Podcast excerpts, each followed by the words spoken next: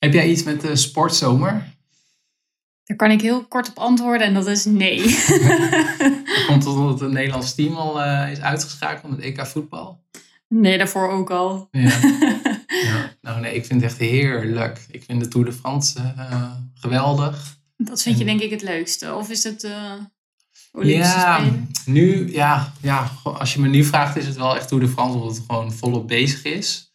Um, maar Olympische Spelen heb ik ook wel ernstig veel zin in. Dus ik, uh, ja, ben wel benieuwd hoe dat gaat. Ook met hele andere tijdzones natuurlijk.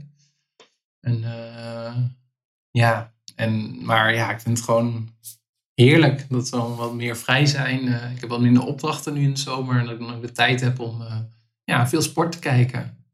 Ja, nou ja, mooi dat het er dan is nu weer. Want vorig jaar was er natuurlijk geen nee. EK en Olympische Spelen. Dus dit jaar kun je extra inhalen. Ja, het komt natuurlijk al allemaal in de verdrukking niet. Maar dan hebben we volgend jaar hebben we volgens mij een WK. Als Nederland zich daarvoor plaatst. En dan ook de winterspelen, denk ik. Want ja, dat, even, denk ik ook. Even jaar. Ja. Ja. ja. Maar is er geen sport die jij echt graag kijkt op televisie? Oef.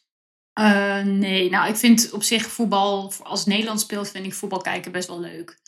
En ja, dat is eigenlijk het enige. Ja. Ja. Maar als gewoon normale voetbal, zeg maar, dat uh, interesseert me helemaal niks. Maar gelegenheidskijker. Nee, wielrennen ook niet. Nee, nee, als jij het op hebt en dan is zo echt hè, de, de, de sprint bij de finish, dat vind ik nog wel geinig. Ja. Maar het, wie wie is en zo en uh, hoe ze precies staan, ervoor staan en alles, nee, dat interesseert me ook niet echt. Het enige wat ik nog misschien nog wel leuk vind is uh, turnen bij de Olympische Spelen, omdat dat zo indrukwekkend is. Dus als Epke Zonderland weer gaat uh, in de ringen gaat hangen of zo, dat vind ik wel heel knap. Dan zet jij wel je wekker. Ja, nou, dat weet ik niet, maar misschien even een stukje terugkijken. Ja, maar nee, ik ben geen fan, nee, ik ben niet fanatiek. Nou, jammer. Maar we gaan nee. we gaan het in ieder geval deze aflevering hebben over wielrennen. Maar dan niet over een huidige wielrenner, maar over eentje die al gestopt is. Ja.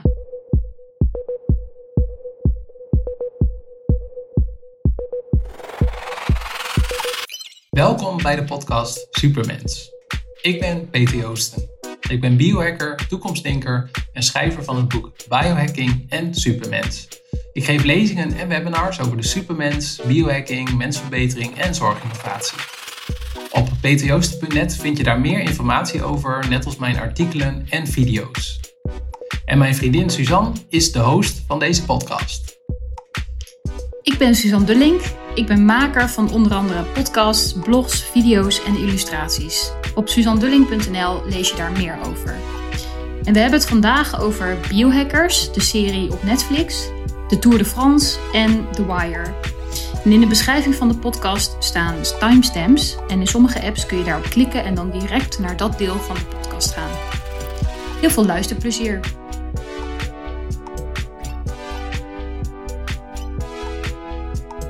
Laten we beginnen met de Backstage Pass. Allereerst twee zakelijke dingen en een persoonlijk ding van jou. Welke twee zakelijke dingen wou jij uh, bespreken? Nou, de eerste is, ik was een tijdje geleden uh, was ik te gast als spreker bij een webinar.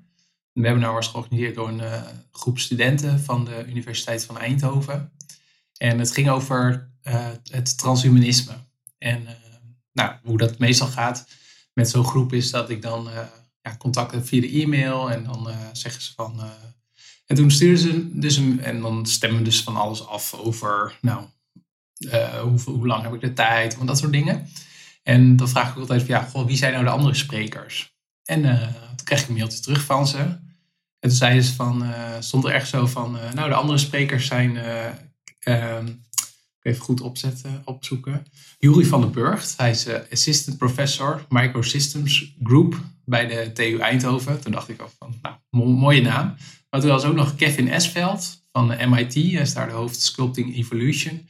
Uh, Anders Sandberg van de Universiteit van Oxford. En uh, professor Ed Boyden, ook van MIT. En, en ja, Peter Joosten. En Peter Joosten, nou, Dus ik, ik had ook teruggemaild van, is dit echt zo? Of ik dacht van, nou, ze, ze, willen dat of zo. Maar ze hadden echt die mensen gestrikt.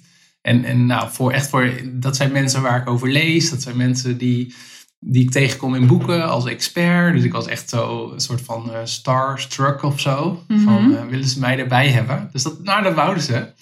En wat er toen ook gebeurde, vond ik ook wel leuk. Want nou, de avond zelf, ehm, toen was eerst een introductie van Anders Sandberg over transhumanisme. En dan ging ik wat vertellen over transhumanistische technologieën. Dus cryogene suspensie, dat je wordt ingevroren na de dood. En mind uploading. En toen nou, waren al die andere wetenschappers waren er nog na. En toen hadden we nog een, een panelgesprek. En wat ik dus bij mezelf merkte, is dat ik begin van het gesprek wel een beetje, ehm, ja, dat ik, ik had echt het gevoel van, weet je, wie ben ik nou om nu iets te gaan delen? Want al die andere mensen waren allemaal gepromoveerd of hoger. Uh, ja, echt allemaal rocksterren in, in, in dit domein van transhumanisme, biohacking, mensverbetering. Dus ik was echt een beetje, ja, dat ik dacht van, uh, Laten we hun maar eh, aan, ja. aan het woord. Ja. Of, of straks zeg ik iets en dan is het, kijken ze echt zo van, ja. die snapt het niet. En wat toen wel gebeurde was wel heel wonderlijk. En dat, ja, achteraf, toen het, toen het gebeurde, toen dacht ik van wauw, dus eigenlijk wel goed dat ik dit heb gedaan. Dat was niet eens wel heel bewust. Maar op een gegeven moment benoemde ik het gewoon. Van uh, ja, ik ben de enige die niet uh, gepromoveerd is. Uh, en ik weet niet, die, dat, die zin ging ergens naartoe of zo. Maar op een of andere manier, toen ik dat moment, toen ik dat uitsprak, toen bevrijdde mij dat in ieder geval van dat soort van juk. En toen was het voor mij ook heel helder. En misschien dacht ik ook dat het daarom ook heel helder was voor de mensen die het eh, webinar keken. Van, dus ook gewoon mijn rol. En die rol is er ook gewoon. Dus niet iedereen hoeft natuurlijk gepromoveerd te zijn. Maar er zijn ook types zoals ik nodig die er een beetje tussenin zitten, zeg maar. Ja, als in wel heel veel erover weten, maar daar geen uh, PhD in hebt gehaald. Ja, precies. Dat kan, ja. ja, dat heeft denk ik juist wel een mooie toegevoegde waarde dat ik dan bepaalde dingen juist heel goed kan uitleggen. Dus omdat ik uh, ja, tussen het publiek en, en de wetenschap in zit als wetenschapsjournalist en ja, blogger, spreker. Dus uh, ja, dat vond ik dus het bleef echt bij me hangen. Dat ik dacht van, uh, het is soms ook heel goed om dat soort dingen uit te spreken. Dat gaf mij in ieder geval wat meer lucht, uh, ja, lucht en, uh, en, ruimte. Misschien dat de mensen in de zaal of hè, die keken via hun laptop het niet eens door hadden. Nee. Maar voor jezelf was het in ieder geval wel een, een ja. bevrijding. Voor mezelf was het een kleine doorbraak, ja. Ja. ja. ja. goed om het dan gewoon te benoemen. Ja, dat denk ik ook, ja. ja. En het tweede punt wat uh, ja, in de achtergrond uh, jouw, jouw werk de afgelopen tijd was? Ja, het tweede punt is, ehm, ik kwam een interessant artikel tegen op The Verge. En ik zal in ieder geval dat ook even in de show notes zetten. Link, of de titel daarvan, kun, kun je het gewoon opzoeken. En dat ging, eigenlijk, dat ging erover van hoe is nou de samensweringstheorie ontstaan? Dat er microchips zitten in vaccins tegen COVID... En dat uh, Bill Gates uh, daar verantwoordelijk voor is. Dat Bill Gates al die chips daarin heeft gestopt. En het was echt een, uh, een bijzonder verhaal. En ik was ook ergens, voel ik me een beetje medeplichtig. Want er is namelijk een belangrijke rol in die hele, dat hele verhaal. Van hoe dat dan tot stand is gekomen, die theorie. Voor een, een Zweedse blog, biohack.info. Of biohackinfo.com, zoiets. En, en die volg ik ook. En die, nou, die doen, zitten vaak wel vooraan het nieuws, zeg maar, met, uh, met ontwikkelingen op het gebied van biohacking. En die hadden op een gegeven moment hadden ze, en dat staat ook in dat artikel, in die reconstructie, hadden ze. Uh, Bill Gates had een uh, Ask Me Anything op Reddit gedaan. En daarin had hij genoemd van, nou ja, we, we ehm, Nee, ja, hij heeft genoemd van we doen in de toekomst zou het goed zijn dat er een, een, zou het een oplossing zijn als we dan ook digitaal kunnen registreren of iemand COVID heeft gehad of iemand al een vaccin heeft gehad of niet. Een soort van nou, wat nu ook heel actueel is, een soort van digitaal paspoort of toegangspas, wat dan ook. En dat had hij eigenlijk gezegd. En die mensen van dat biohack-blog, die hadden eigenlijk nog een ander onderzoek erbij gepakt.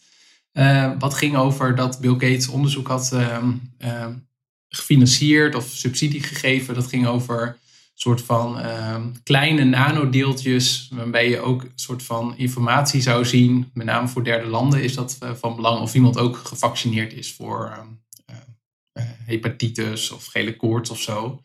En dat is echt een heel, ja, hele oppervlakkige technologie. Maar die mensen van die blog hadden het eigenlijk een beetje samengevat en uh, gepakt en daar ook een meme van gemaakt. Uh, om ook het, beetje het biohacking idee uh, ja, te populariseren. En dat is vervolgens weer opgepikt door nou, Amerikaanse media, ook in bepaalde hoeken. En die zijn er weer, die hebben het eigenlijk weer verder gebracht. Dus zo, het is heel interessant om te zien hoe dat verhaal eigenlijk uh, ja, door mensen worden dingen samengepakt en dan pikt iemand anders dat weer op en die doet er weer iets bij. En uiteindelijk ontstaat dan een heel, ja, ik vind het een heel wonderlijk verhaal. over de, nou, dat Bill Gates chips in vaccins doet. Ja. Ja. terwijl dat eigenlijk gewoon technologisch gezien nog niet kan of nog niet mogelijk is, denk ik. Nee, nee nou, maar weet ook niet. En ik zag ook een, een leuk stukje van John Oliver van de Last Week Tonight show. waarin hij ook zegt van de beste manier om als je al mensen wilt trekken, dan is het beste, doen we dat eigenlijk al. En dat kan dan gewoon nog beter via de mobiele telefoon. Precies, ja, daar dus zit toch iedereen al op. Daar zit toch iedereen al op, ja. ja dus uh, ja, het is toch uh, ja, grappig. Ik vond het heel erg grappig en uh, bijzonder om te zien hoe dan zo'n verhaal ontstaat en zich versterkt. En uiteindelijk, nou, volgens mij nog steeds best wel een, veel aanhangers kent. Of veel mensen die, die denken dat daar wel iets in zit. Ja, precies. Dat je ja, toch getrekt gaat worden door de overheid op die manier. Ja, ja. ja.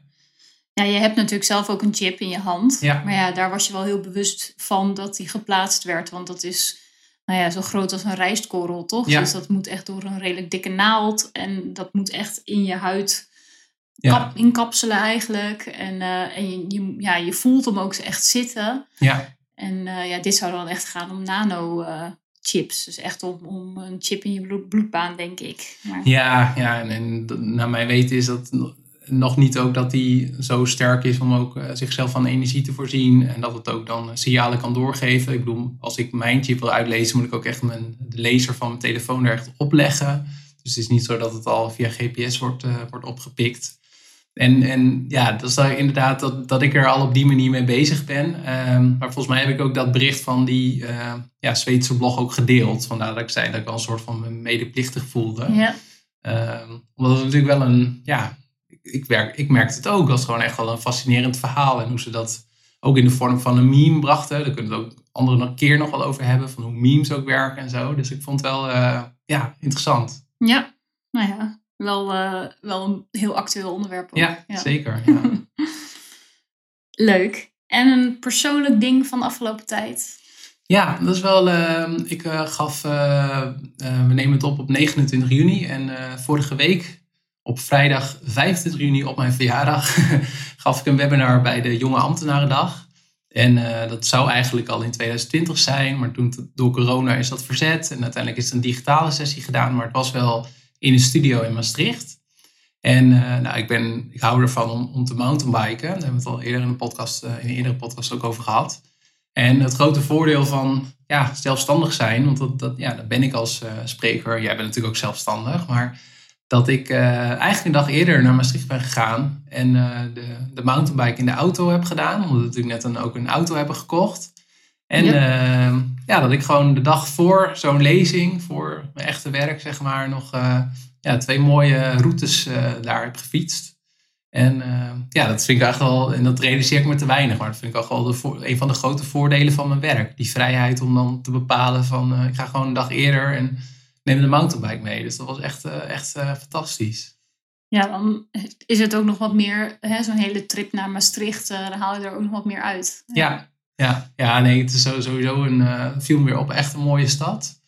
En ehm, ja, die omgeving, omgeving is super. Ja. die omgeving inderdaad. Ik bedoel, eh, wij wonen in Amersfoort en hier heb, heb je op zich ook al wat heuvels en zo. Maar het is daar wel, eh, ja, daar kan ik wel echt van genieten hoor. Mooi. ja, dat is wel, ja, hier is de Utrechtse Heuvelrug, maar daar is het wel next level eh, bij de Sint-Pietersberg en Ja. zo. Ja, dat was wel een hele, dat was een hele korte route. maar die was ook zwart. En dat betekent dat die behoorlijk technisch was. Dus er waren echt wel bepaalde, ja, behoorlijke drops en enorme steile hellingen en flinke afdalingen. Dus ik moest daar wel echt eh, goed aan het werk qua techniek. Ja, Ja, mooi. Goede Ja. oefening. Goede oefening, zeker. Oké, laten we doorgaan naar de deep dive, waar we één onderwerp eh, wat eh, dieper, ja, waar we dieper op induiken. En dat is deze keer de serie Biohackers op Netflix. Ja, ja. ja komende eh, vrijdag komt, eh, als alles goed gaat, maar volgens mij gaat het altijd wel goed bij, bij Netflix als ze iets aankondigen. Maar er komt seizoen 2 uit van eh, de serie Biohackers. En nou, we hebben ook samen seizoen 1 gekeken. Ik weet niet meer precies wanneer die nou uitkwam. Ergens Vorig jaar. wel 2020, maar dan misschien het. Nou, niet het zegt. Volgens mij was het. hebben ze hem ook nog een beetje vertraagd? Want zou die eigenlijk het voorjaar van 2020 uitkomen? Maar toen was er ook. eh, nou, kwam corona op. En toen waren ze wel volgens mij wel een beetje bang dat het uh, nou ja, in de verkeerde dag Verkeerd zou vallen. Verkeerd zou vallen, inderdaad. Omdat het wel gaat over uh, nou, genetische aandoeningen of ziekten of soort van biologische wapens ook. Met, uh, ik zal, we moeten eigenlijk Niet te veel spoilers. Maar... Ja, ik wil zeggen, in andere podcasts die ik luister hebben ze echt zo'n uh, spoiler horn. En nou ja. nou ja, moet er een beetje opletten wat ik... maar als je naar een podcast over biohacking luistert, dan denk ik aan, neem ik aan dat je hem wel hebt gezien, toch?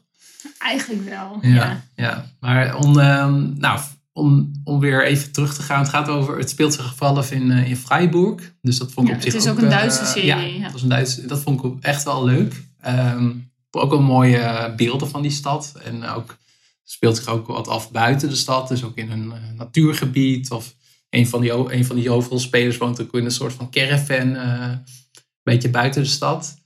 En uh, het gaat over Mia, dat is een beetje de hoofd, hoofdrolspeelster. En, en zij komt er eigenlijk achter dat, nou, dat zij als kind ehm, zijn er experimenten met haar uitgevoerd door professor, professor Tanja Lorenz.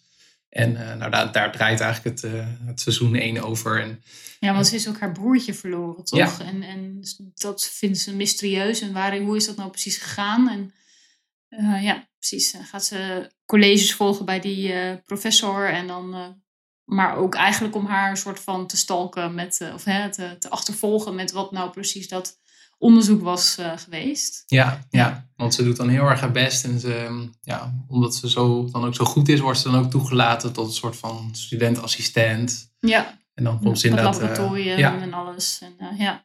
Ja, ja maar wat ook grappig is, is dat een aantal andere mensen in de serie, een aantal studenten ook bezig zijn met biohacking. Ze heeft toch een huisgenootje die ook uh, zo'n uh, experiment op zichzelf doet, chips uh, implanteert. Ja, en, ja klopt. Je hebt inderdaad ze heeft een aantal huisgenoten.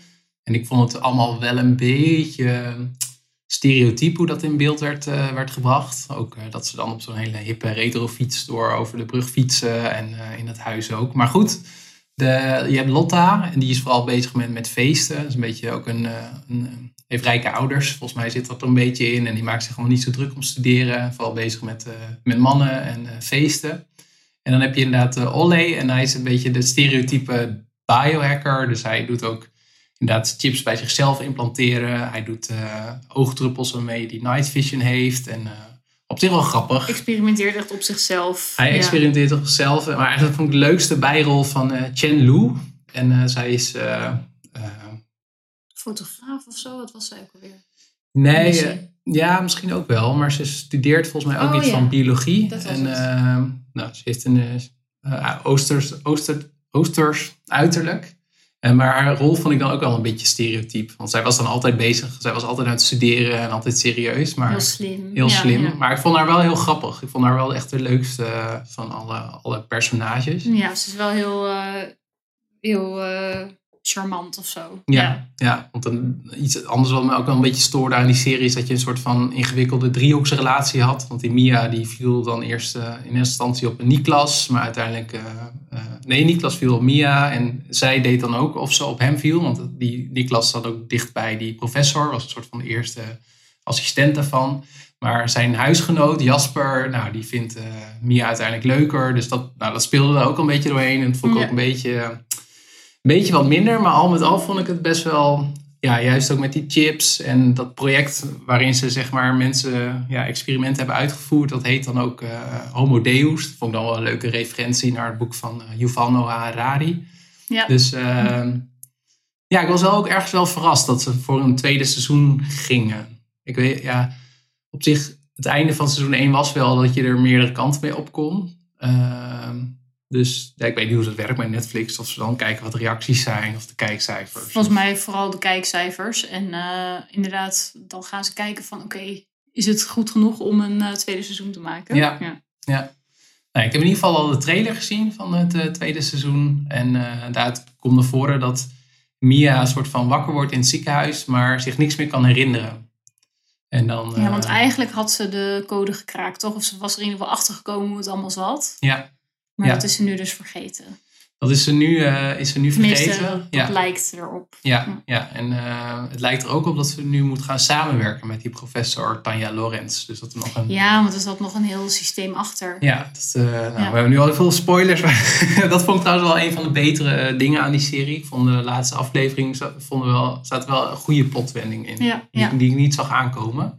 Precies. En, Het was eh, allemaal nog weer groter. En nou ja, daar kan een volgende seizoen mooi op voortborduren. Ja, Ja. en de producent, eh, die heb ik ook al in interviews eh, gelezen. Die zegt ook dat het eh, seizoen 2 van Biohackers dat het ook nog mysterieuzer wordt en nog wat duisterder. En eh, nou, dat, ik denk dat de serie dat wel goed kan, goed kan gebruiken. Want het was echt wel prima.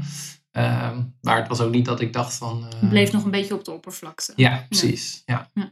Maar wel leuk dat er op Netflix echt een serie gaat over biohacking. En dat het ook echt biohackers heet. En nou ja, op deze manier. En er zijn ook wel andere docu's op, eh, op Netflix te vinden op dit gebied. Maar eh, dat er ook gewoon een, een, een eh, fictieserie is. Dat laat wel heel erg zien dat het doorcijpelt in de meer mainstream hoek. Denk Ja. ik. Hè? Want die documentaires, dat, dan moet je er al in geïnteresseerd zijn. En anderhalf uur gaan willen gaan kijken over hè, we- welke wetenschappers daarmee bezig zijn. Maar dit is gewoon eh, lekker wegkijken.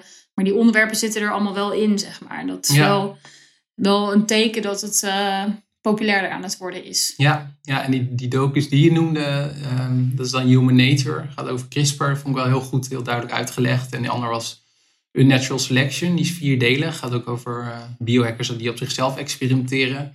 En ook een grote rol voor Kevin Esveld, eh, die te gast was in mijn panel bij Team Hart, zeg maar, waar ik het over had. En die was heel leuk. En dan, ik, ik noemde dat ook nog in het panelgesprek. Wat ik heel tof vond, is dat het echt een eh diehard wetenschapper is. Maar hij is, hij is kijken naar Gene Drive. En Gene Drive gaat erover dat je niet alleen DNA aanpast van één enkele organisme, maar dat je het ook aanpast in eh, zaadcellen en eicellen.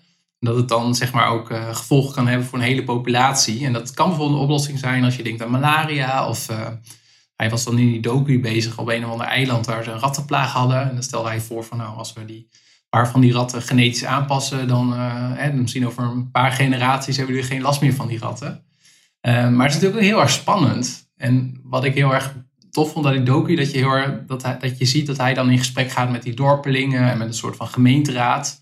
Want dat is wel volgens mij waar het. ehm, dat was ook mijn punt in dat gesprek van het panel. Van oké, wie gaat er over dit soort dingen? Dat moet niet, niet bij de wetenschappers zijn. Eigenlijk moet, moet een, dat een democratisch proces zijn van wat je wilt toelaten. Eh, maar je, ik vond het heel mooi aan die docu, A Natural Selection, dat je hem daar wel een beetje mee zag. Hij was wel van goede wil, maar je zag hem er ook wel een beetje mee worstelen. Omdat ja, die, die, die inwoners van het eiland die hadden ook allerlei, allerlei argumenten waar je denk ik als superslimme wetenschapper van denkt van mm, wat boeit dat of zo. Ehm, dus dat vond ik wel heel tof. Ja, echt meer. Ja, die, die bewoners die twijfelden toch überhaupt van moeten we wel interventie plegen in de natuur. Eh, want ja, je weet niet hoe ook weer andere Ja. systemen gaan veranderen. Ze waren heel erg terughoudend en conservatief in ieder geval op dat gebied. Ja, dat snap ik heel goed. En, eh, en om nog even terug te komen op jouw andere punt van inderdaad een serie over biohackers. Dat is iets waar ik super blij mee was. Eh, want ik dacht, wat was wordt het een serie over bulletproof koffie. Dus koffie met boter. En, Ja, zo heel erg lifestyle-achtig Ja. met, me- met ijsbaden en eh, mediteren en bulletproof koffie. Ja, Ja. en da- daar, dat is verder als, ook prima. En ik eh, heb dat ook veel gedaan en hou me daar ook nog wel veel mee bezig, behalve de Bulletproof Coffee. Maar ik ben wel blij dat die serie ook echt dan de term biohacking meer voor ja, het algemene publiek heeft geïnteresse- eh, geïntroduceerd als eh, radicale mensverbetering met genetica en andere dingen. Dus dat is wel wat ik, eh, ja, wel heel, wat ik heel fijn vind. Ja. Ja. die tweedeling zie je nog steeds wel, toch? Dat je hebt echt een lifestyle idee of hè, biohacking als lifestyle. En meer biohacking meer richting de, ja, meer dat radicalere richting de wetenschap. En dan op de grens van de wetenschap eigenlijk. Dus van, Ja. hè, ga je nu al chips implanteren? Ga je nu al nou ja, van die druppels gebruiken om, je, om night Ja. vision te krijgen en dat soort dingen. Ja. Ja, ja, nee, dat zie je nog steeds. En zeker in de populaire media is die eerste van de leefstijl wel dominanter. Ook op Instagram en En, zo. eh, ja, dat ja zeker. Ja. En ook er zit ook veel geld achter. Bijvoorbeeld ook het merk Bulletproof die daar veel, veel in doet. Ehm, nou, en ik zelf neig tegenwoordig veel, in het begin zat ik ook meer in die hoek, maar tegenwoordig neig ik wel veel meer naar die tweede. Die vind ik veel interessanter en veel, heeft volgens mij veel grotere impact uh, op de mensen en op onze toekomst. Ja, het is meer maatschappelijk. Die, die lifestyle ja, is meer verlengde van, uh, van zo gezond mogelijk leven en maakbaarheid op, op, ja, binnen je huidige leven. Uh, zoeken daarnaar. Maar dit is radicaler. Ja, van, van dit kan grote gevolgen hebben als mensen zich echt met, met genetica en dergelijke gaan uh, verbeteren. Ja. Dus dat is in ieder geval voor een serie, maar ook voor jou als, als uh, schrijver en, en, spreker wel veel, nog veel groter onderwerp. Ja, ja, ja nee, dus, nee, zeker. Ja, klopt. Ja. Maar ja, het zet het in ieder geval in een, nou ja, goed daglicht, maar ook wel negatief, positief en negatief daglicht, denk ik. Want het, het, brengt de positieve dingen aan bod. Dat het heel interessant en leuk kan zijn. En goede dingen met zich mee kan brengen. Maar ja, het laat ook wel die duistere kant zien. Ja, nee, zeker. Dus uh, ja, allebei zit erin. Want ik denk, ja, je moet ook, dat een, moet ook, dat is goed. een leuke serie maken. Dat is niet alleen als alles goed gaat en zo. Dus je moet ook wel een beetje een randje hebben. En dat is in het echt ook niet natuurlijk. Nee. Dat, dat zie je al als je die, die docu on Unnatural Selection kijkt. Ja, absoluut. Ja. ja. Nou ja, ik ben benieuwd naar uh, seizoen 2. Ja. We gaan er weer kijken. We gaan uh, eh, bingen. Ja, precies.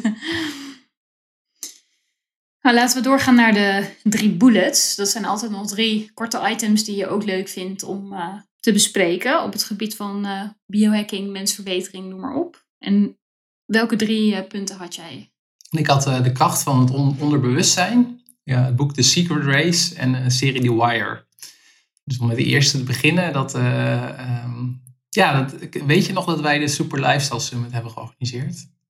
Ja, in 2015. Ja ja, dus voor de mensen die luisteren, dat, uh, ik was toen denk ik één keer naar Helsinki geweest, naar de Biohacker Summit. We waren ook rond die tijd ook naar Londen geweest, hè? samen. Ja, ja klopt. Dat was dan de Biohacker Summit in Londen. En toen had ik ook het idee van, uh, ja, dit moeten we ook in Nederland doen. Ja, en, uh, ook zoiets organiseren. Ook zoiets organiseren. En dat was dan de Super Lifestyle Summit. En dat was heel erg leuk hoor. Echt hele goede, leuke sprekers. En er was één spreker die hadden we dan via Skype, denk ik. was uh, Maxi Maximilian Gutzler. Uit, Duits, uh, uit Duitsland. Duits, dus dat past weer bij Biohacking Netflix. Ja. en, um, en die had het dan over, ik weet niet eens meer waar die precies over had, maar er was één ding wat... Ging het niet over flow? Ja, oh ja. ja inderdaad over flow. Dat heb je goed onthouden. En een van de dingen die hij zei, wat me altijd is bijgebleven, is hij, hij zei van ik heb een routine dat ik voordat ik ga slapen schrijf ik één ding op van um, wat is mijn prioriteit voor morgen of wat is iets waar ik uh, ja, morgen een beslissing over moet maken of wat is iets wat ik, waar ik nu tegenaan loop en waar ik morgen een soort van oplossing voor moet hebben. En dat schrijft hij dan op en dan gaat hij slapen. En uh, ja, dat doe ik ook sinds een paar weken. Dus ik schrijf uh, in een dagboekje van S ochtends schrijf ik op van wat maakt vandaag een goede dag. S ochtends schrijf ik ook op waar ik, eh, drie dingen waar ik dankbaar voor ben. En uh, s'avonds schrijf ik dan, dan weer op van nou, die, dringen, die, die drie dingen die ik vanochtend heb opgeschreven, heb ik dat gehaald? Was het een goede dag? En uh, ook wat, wat kan beter trouwens. En dan voor de volgende dag, wat is, uh, ja, wat is iets waar ik me onderbewust over wil laten nadenken? En ja, soms gaat het beter dan anderen. Soms is het dat ik wakker word en echt uh, alweer een stukje verder ben in een uh, oplossing van een probleem of zo. En soms uh, kijk ik ochtends en denk van, had ik dat opgeschreven? maar het is wel, ja, ik, ik hoorde, of ja, ik lees er ook wel eens over van, ja, het is maar een bepaald percentage van wat we bewust, ja, dat, zien en horen en, en verwerken. Maar er is ook zoveel in ons lijf wat onbewust is. Waar ook wel heel veel, nou ja, ik wil niet te esoterisch zijn, maar heel veel kracht en ervaring zit. En, en herinneringen en zo. En uh, nou ja, ik vind het wel een leuke habit, gewoonte die mij uh, in ieder geval wel helpt. Ja, ja en slaap zorgt er natuurlijk sowieso voor dat je die, die dag verwerkt. Ja. Dus dat zal ook al helpen, denk ik. Als je dan de volgende, vaak word je de volgende ochtend alweer, voel je alweer beter over iets. Ja. Maar goed, het is wel iets om uh, goede oefening om het ook nog even bewust op te schrijven en dan daarmee te gaan slapen. Ja, precies. Ja, ja. En dit is wel iets meer in de lifehack uh, hoek. Zeker, ja. ja, ja. Grappig. Maar dan, uh, mensen die luisteren hebben dan ook nog iets praktisch aan deze podcast. Ja, precies. nou, zeker als, als het echt, kijk, je kunt het elke dag doen, maar je kunt het ook doen bij dingen misschien waar je af en toe tegenaan loopt. Of, of hè, dat je het niet. Uh, ja. Misschien heb je sommige dagen ook dat, dat je denkt van nou, ik heb morgen niet echt iets. Ja, nee, maar, klopt. Ja. Uh, dus ja. Als je Zeker in het weekend of zo, dan denk ik van uh, ja, wat is er morgen? Geen idee. maar dan is het weer zoeken ook naar van iets. Ja. Wat, welk ontbijt, welk lekker ontbijt ja, ga ik maken? ja. ja. Oké, okay, goede tip. Um, en nummertje twee was het boek The Secret Race. Ja, dat is een luisterboek. Die heb ik uh, geluisterd. Um, en dat is uh, van Tyler Hamilton. En Tyler Hamilton is uh, een van de ja, bekende racefietser. Echt in die begin jaren 2000. En die was een ja, compagnon van, van Lance Armstrong. En ik vond het echt een meeslepend luisterboek. Ehm, ook wel omdat ik wielrennen gewoon heel erg leuk vind. En maar wat het, dat boek gewoon heel goed maakt, is dat het uh, uh, goed is geschreven. Uh, dat het ook zijn, de carrière van, eh, van die Tyler Hamilton beschrijft. Van die deed volgens mij eerst iets, een, een ander type sport, maar het heeft wel longinhoud. En toen ging hij ook racefietsen en had hij wel aanleg voor. En, maar hij moest ook heel veel dingen leren. Ehm, dus dat is heel erg leuk. Maar wat ik ook heel boeiend vond, was hoe ging dat er nou aan toe met die doping? Want dat is wel echt een periode waar de meeste mensen Lance Armstrong wel van kennen. Niet eh, vanwege de zeven overwinningen van de Tour de France, maar met name omdat hij de boel uh, nou ja, bij elkaar heeft gedoopt, gedrogeerd, was hij aan het fietsen. En wat, heel, wat ik zo boeiend vond, is dat hij Hamilton beschrijft van eigenlijk was een periode voor uh, ja, voordat hij erin kwam, dat het echt uh, dat ploegen dat zeg maar organiseerden. Dus dat, dat wielrenploegen dat eigenlijk zorgden voor de doping voor de, voor de wielrenners. En toen hij een beetje erin kwam, toen was het eigenlijk allemaal een individuele uh, aangelegenheid. En dat daar ook hele grote verschillen waren. En dan ging Armstrong ging dan op een, met een privéjet een paar dagen voor een wedstrijd naar Madrid of zo. En dan kwam hij een paar dagen later terug en uh, dat hij voordat hij wegging echt uh, heel slecht fietste. En toen kwam hij terug en toen reed iedereen lachend, uh, zeg maar, de, van iedereen vandaan. Dus, dus dat, dat hele, dus over wat, wat doping kan doen, de mechanismen erachter. Ehm, dat die Armstrong iedereen heeft voorgelogen, dat hij ook heel veel druk uitoefende op, ja, op zijn teamgenoten. En als je niet aan meedeed, dan werd je gewoon geschoffeerd en kon je ook ergens anders niet aan de bak. Ehm, maar wat me ook heel erg is bijgebleven is een uitspraak in een boek. Dat Tyler Hamilton zoiets zegt van... Het was heel moeilijk om te zeggen wie nou doping zou gebruiken of niet. En hij zei van... Er waren mensen, die vond ik echt... Uh, uh, ja, mag ik ook vloeken op deze podcast? Ja, voor mij wel. Het is jouw podcast. Oh, ja, het is mijn podcast, ja. Ik weet niet of je dan ook een hele slechte rating krijgt. Maar goed, die Hamilton zeiden van, zijn van die types... Nou, daar vond ik helemaal niks van. Uh, echt lildebangers echt een slecht, slecht personage, of zeggen slechte karakters, ja. die niet aan doping deden. En hij zei het was andersom. Van mensen waarvan ik dacht, nou, dit, die zijn de goedheid zelf en heel sympathiek. Van wie je niet verwacht die het juist wel doen. En dat vond ik heel boeiend. Van, ja, het is ook wel mijn vooroordeel dat je dan, ja, moet echt wel een beetje een duister personage zijn om uh, duistere ziel hebben om doping te gebruiken. Maar in dat boek van Hamilton, ook als je dat leest, die Hamilton is gewoon echt een als je het leest, denk je van wat een aardige gast. Maar die gaat ook gewoon gebruiken. Gaat ervoor uiteindelijk toch en, voor, ja. en, ook, ja, en ook andersom. Dus dat was wel een van de grote inzichten die ik had uit, uh, uit dat boek. Ja. Maar er was dus blijkbaar ook veel sociale druk. En uh, nou ja, als zo'n Armstrong heel veel invloed heeft bij ook andere, misschien groepen of andere ja. teams en dat soort dingen, dan ja, bezwijk je misschien wel onder die druk inderdaad. Of je, ja. nou, of je nou heel sympathiek bent of niet. Ja. Ja, en het ging er zelfs over, dat werd niet heel, had van, eh, ze denk geen echte bewijs voor, dat die Armstrong ook gewoon uh, invloed had op de uh, eh, UCI, de grote wielerorganisatie. En dat er bepaalde testen waren waar Armstrong zeg maar uh, eigenlijk uitkwam dat hij doping had gebruikt, maar dat dan hij dat toch kon regelen dat, dat er niet naar buiten kwam, zeg maar. Dus dat was echt een, ja, eigenlijk bizar hoe hij dat zo allemaal had geregeld. Terwijl hij op tv ook altijd volgens mij heel sympathiek was. In ieder geval leek. Hij had toch een kanker overwonnen ja. en zo. Dus uh, me- ik denk dat heel veel mensen hem wel heel sympathiek vonden. Ja, ik denk eh, destijds eh, wel. Had je Ja, ook de, de gele destijds. armbandjes en zo. Ja, En eh, eh, hij, ja, het is wel een mannetje hoor. Want ik luister nu af en toe ook naar. Hij heeft nu ook een podcast, heet eh, The Move. En hij is wel heel eh, echt een alfa mannetje nog steeds.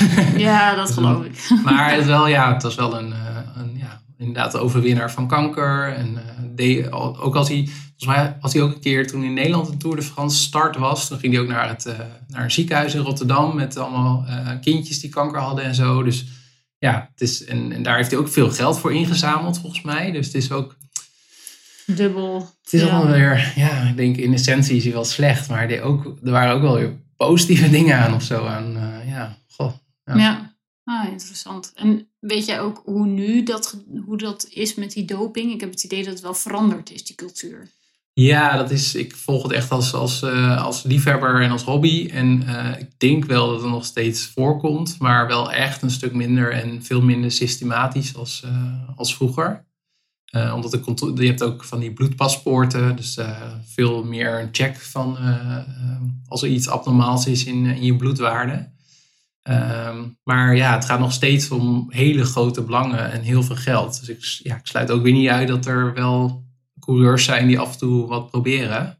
Eh, dus ik zou mijn hand er ook niet voor in het vuur steken. Maar het is in ieder geval minder groot dan het eh, destijds was. Ja. Ja, of misschien toch weer andere technieken. Ja. Eh, misschien meer met bloedtransfusie. Of, nou ja, ik heb geen idee. ja, en ik werd laatst geïnterviewd eh, voor een podcast. En dan was ook de vraag van ja, hoe zit het dan met genetische doping? Dus eh, je hebt ook een hele bekende Finse biatleet. Die had een hele hoge, eh, abnormaal veel zuurstof in zijn bloed. En toen dachten ze van nou, die heeft echt doping gebruikt. Kan niet anders. Maar het bleek dat hij een bepaalde genetische variant heeft. Waar voor hem dat natuurlijk is. En Ja. ook zijn familie en zo.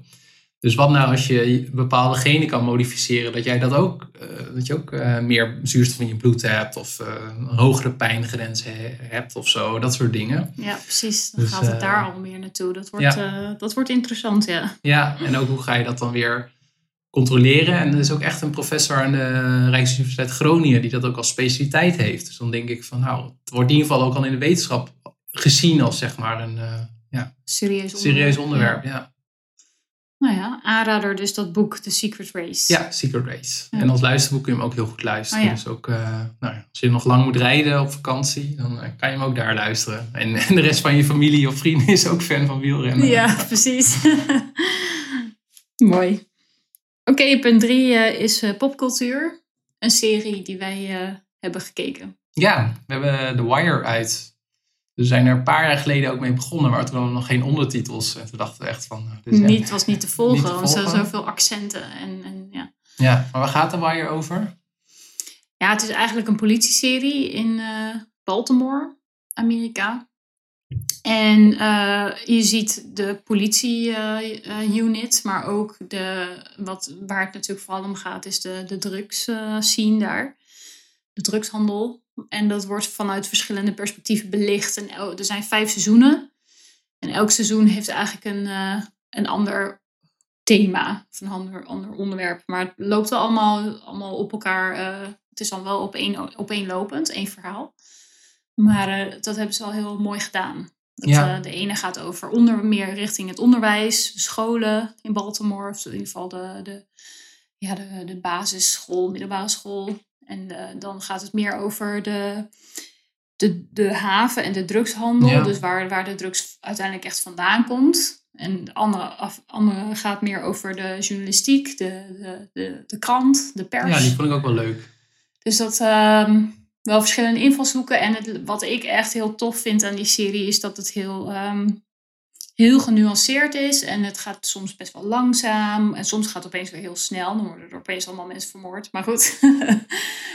maar dat ehm, eh, het echt wel een heel genuanceerd en goed beeld laat zien van alle facetten van, van de politiek, de politie, ook binnen de politie, welke machtsstructuren daarin zitten binnen die drugshandel, hoe ingewikkeld dat eigenlijk weer is. En ook de kinderen die al vanaf hun vroege jeugd en hun opvoeding eigenlijk al, al nou ja, dat het eigenlijk al gedoemd is om te mislukken eigenlijk. En eh, nou ja, dat is, het zit heel goed in elkaar. Ja. ja. Nee, ik kan, ik kan het niet beter zeggen. Ik dacht, ik heb ondertussen even opgezocht. Want dat was nou de reden dat we het gingen kijken. Is dat ook een 9,3 heeft op uh, IMDb van de 10. Volgens mij is het ook dan de hoogst gewaardeerde serie. Nog hoger dan Breaking Bad, Game of Thrones, volgens mij. En, ja, ja, noem, precies. Noemen ze nog wat anders. Ja, nee, ik vond ook ja, het is ook niet een serie die, die ik normaal snel zou kijken of zo. Ik ben eerder van science fiction serie of echt een comedy of zo. Ja, politieseries kijken wij niet heel veel eigenlijk. En wat ik ook wel heel leuk vind is dat het echt uit de jaren, begin jaren 2000 is. Ja. Dus uh, ze hebben echt, ze beginnen met nou van die hele ouderwetse mobieltjes en de laatste seizoen is volgens mij in 2007 of 2008. Nou, dan kunnen ze uh, MMS'en, kunnen ze foto's naar elkaar versturen. ja. ja. Maar en dan echt van die, ja, van die hele ouderwetse klaptelefoontjes en zo. Dat is wel heel leuk. Ja, ja, ja klopt, ja. En dat je door denkt van, jemig, dit is echt nog maar 12, 13 jaar geleden. En uh, wat een verschil met nu. Ja. ja. Ja, ik ben dan ook wel benieuwd van uh, ja, hoe, hoe, ze dat, hoe, hoe doen ze dat nu? Want inderdaad, de Wire gaat erover dat ze dan die uh, drugshandelaren uh, tappen. De ja, wiretap wire heet dat dan. Ja. En ja, dat, en, en wat ik leuk vond is dat er ook een aantal personages in zitten, zitten die ik eigenlijk, dat die serie inderdaad uit begin 2000 kwam. Een aantal personages in zitten die wij dan weer kennen van andere series die later zijn. Dus er is een grote rol voor Carcetti ik weet niet wat zijn acteursnaam ik, is. Ik wou zeggen Littlefinger in, uh, in, Game of Thrones. Ja. Ik, de eerste keer dat ik hem zag was van... Wow, is dit Littlefinger? Maar dan veel jonger. Ja. ja. ja. Hij heeft ook zo'nzelfde soort rol. Dat is ja, wel mooi. als een beetje als politiek mastermind. Hè? Een beetje mensen bewerken. En ja, het is ook allebei van HBO. Ja, het zal geen toeval zijn. Ja, en natuurlijk uh, Stringer Bell.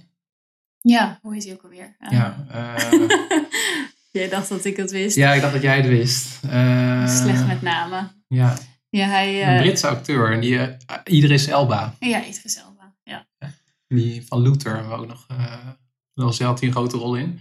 En ik ken bijvoorbeeld ook nog wel de, een van de Bunk, de Wendell Pierce. En die is dan ook weer in de serie die ik dan keek, is hij dan Jack Ryan, is hij dan ook de president van Amerika. Nou ja, goed, het is allemaal oh, acteurs, die, uh, dat vind ik dan ook leuk. Ja, ja, maar omdat dit dus een wat oudere serie is, zijn dit ja. voorlopers eigenlijk weer grappig. Ja, ja. Dus, ja maar het is echt een, echt een aanrader. Ja. Ik, uh, ja, ik ben blij dat we toch de moeite hebben genomen om hem nog een keer te gaan kijken met ondertiteling. Ja, precies. en uh, gewoon de tijd te nemen, want het zijn lange afleveringen. Het is vijf seizoenen. En ja, het, de personages ontwikkelen zich ook echt door de tijd heen. En dat heeft soms ook echt wel even tijd nodig. Ja. En dat, uh, maar het is echt uh, ja, een bijzondere serie. Ja. Niet echt iets per se met biohacking of, of supermens, maar... Nee, eigenlijk niet. Helemaal niet. Maar ik dacht... Uh, het ja, is wel een aanrader. het is jouw aanrader. Ja, het ja. is mijn aanrader, zeker. Ja, mooi. Ja, dat was hem weer. Heel erg bedankt voor het luisteren.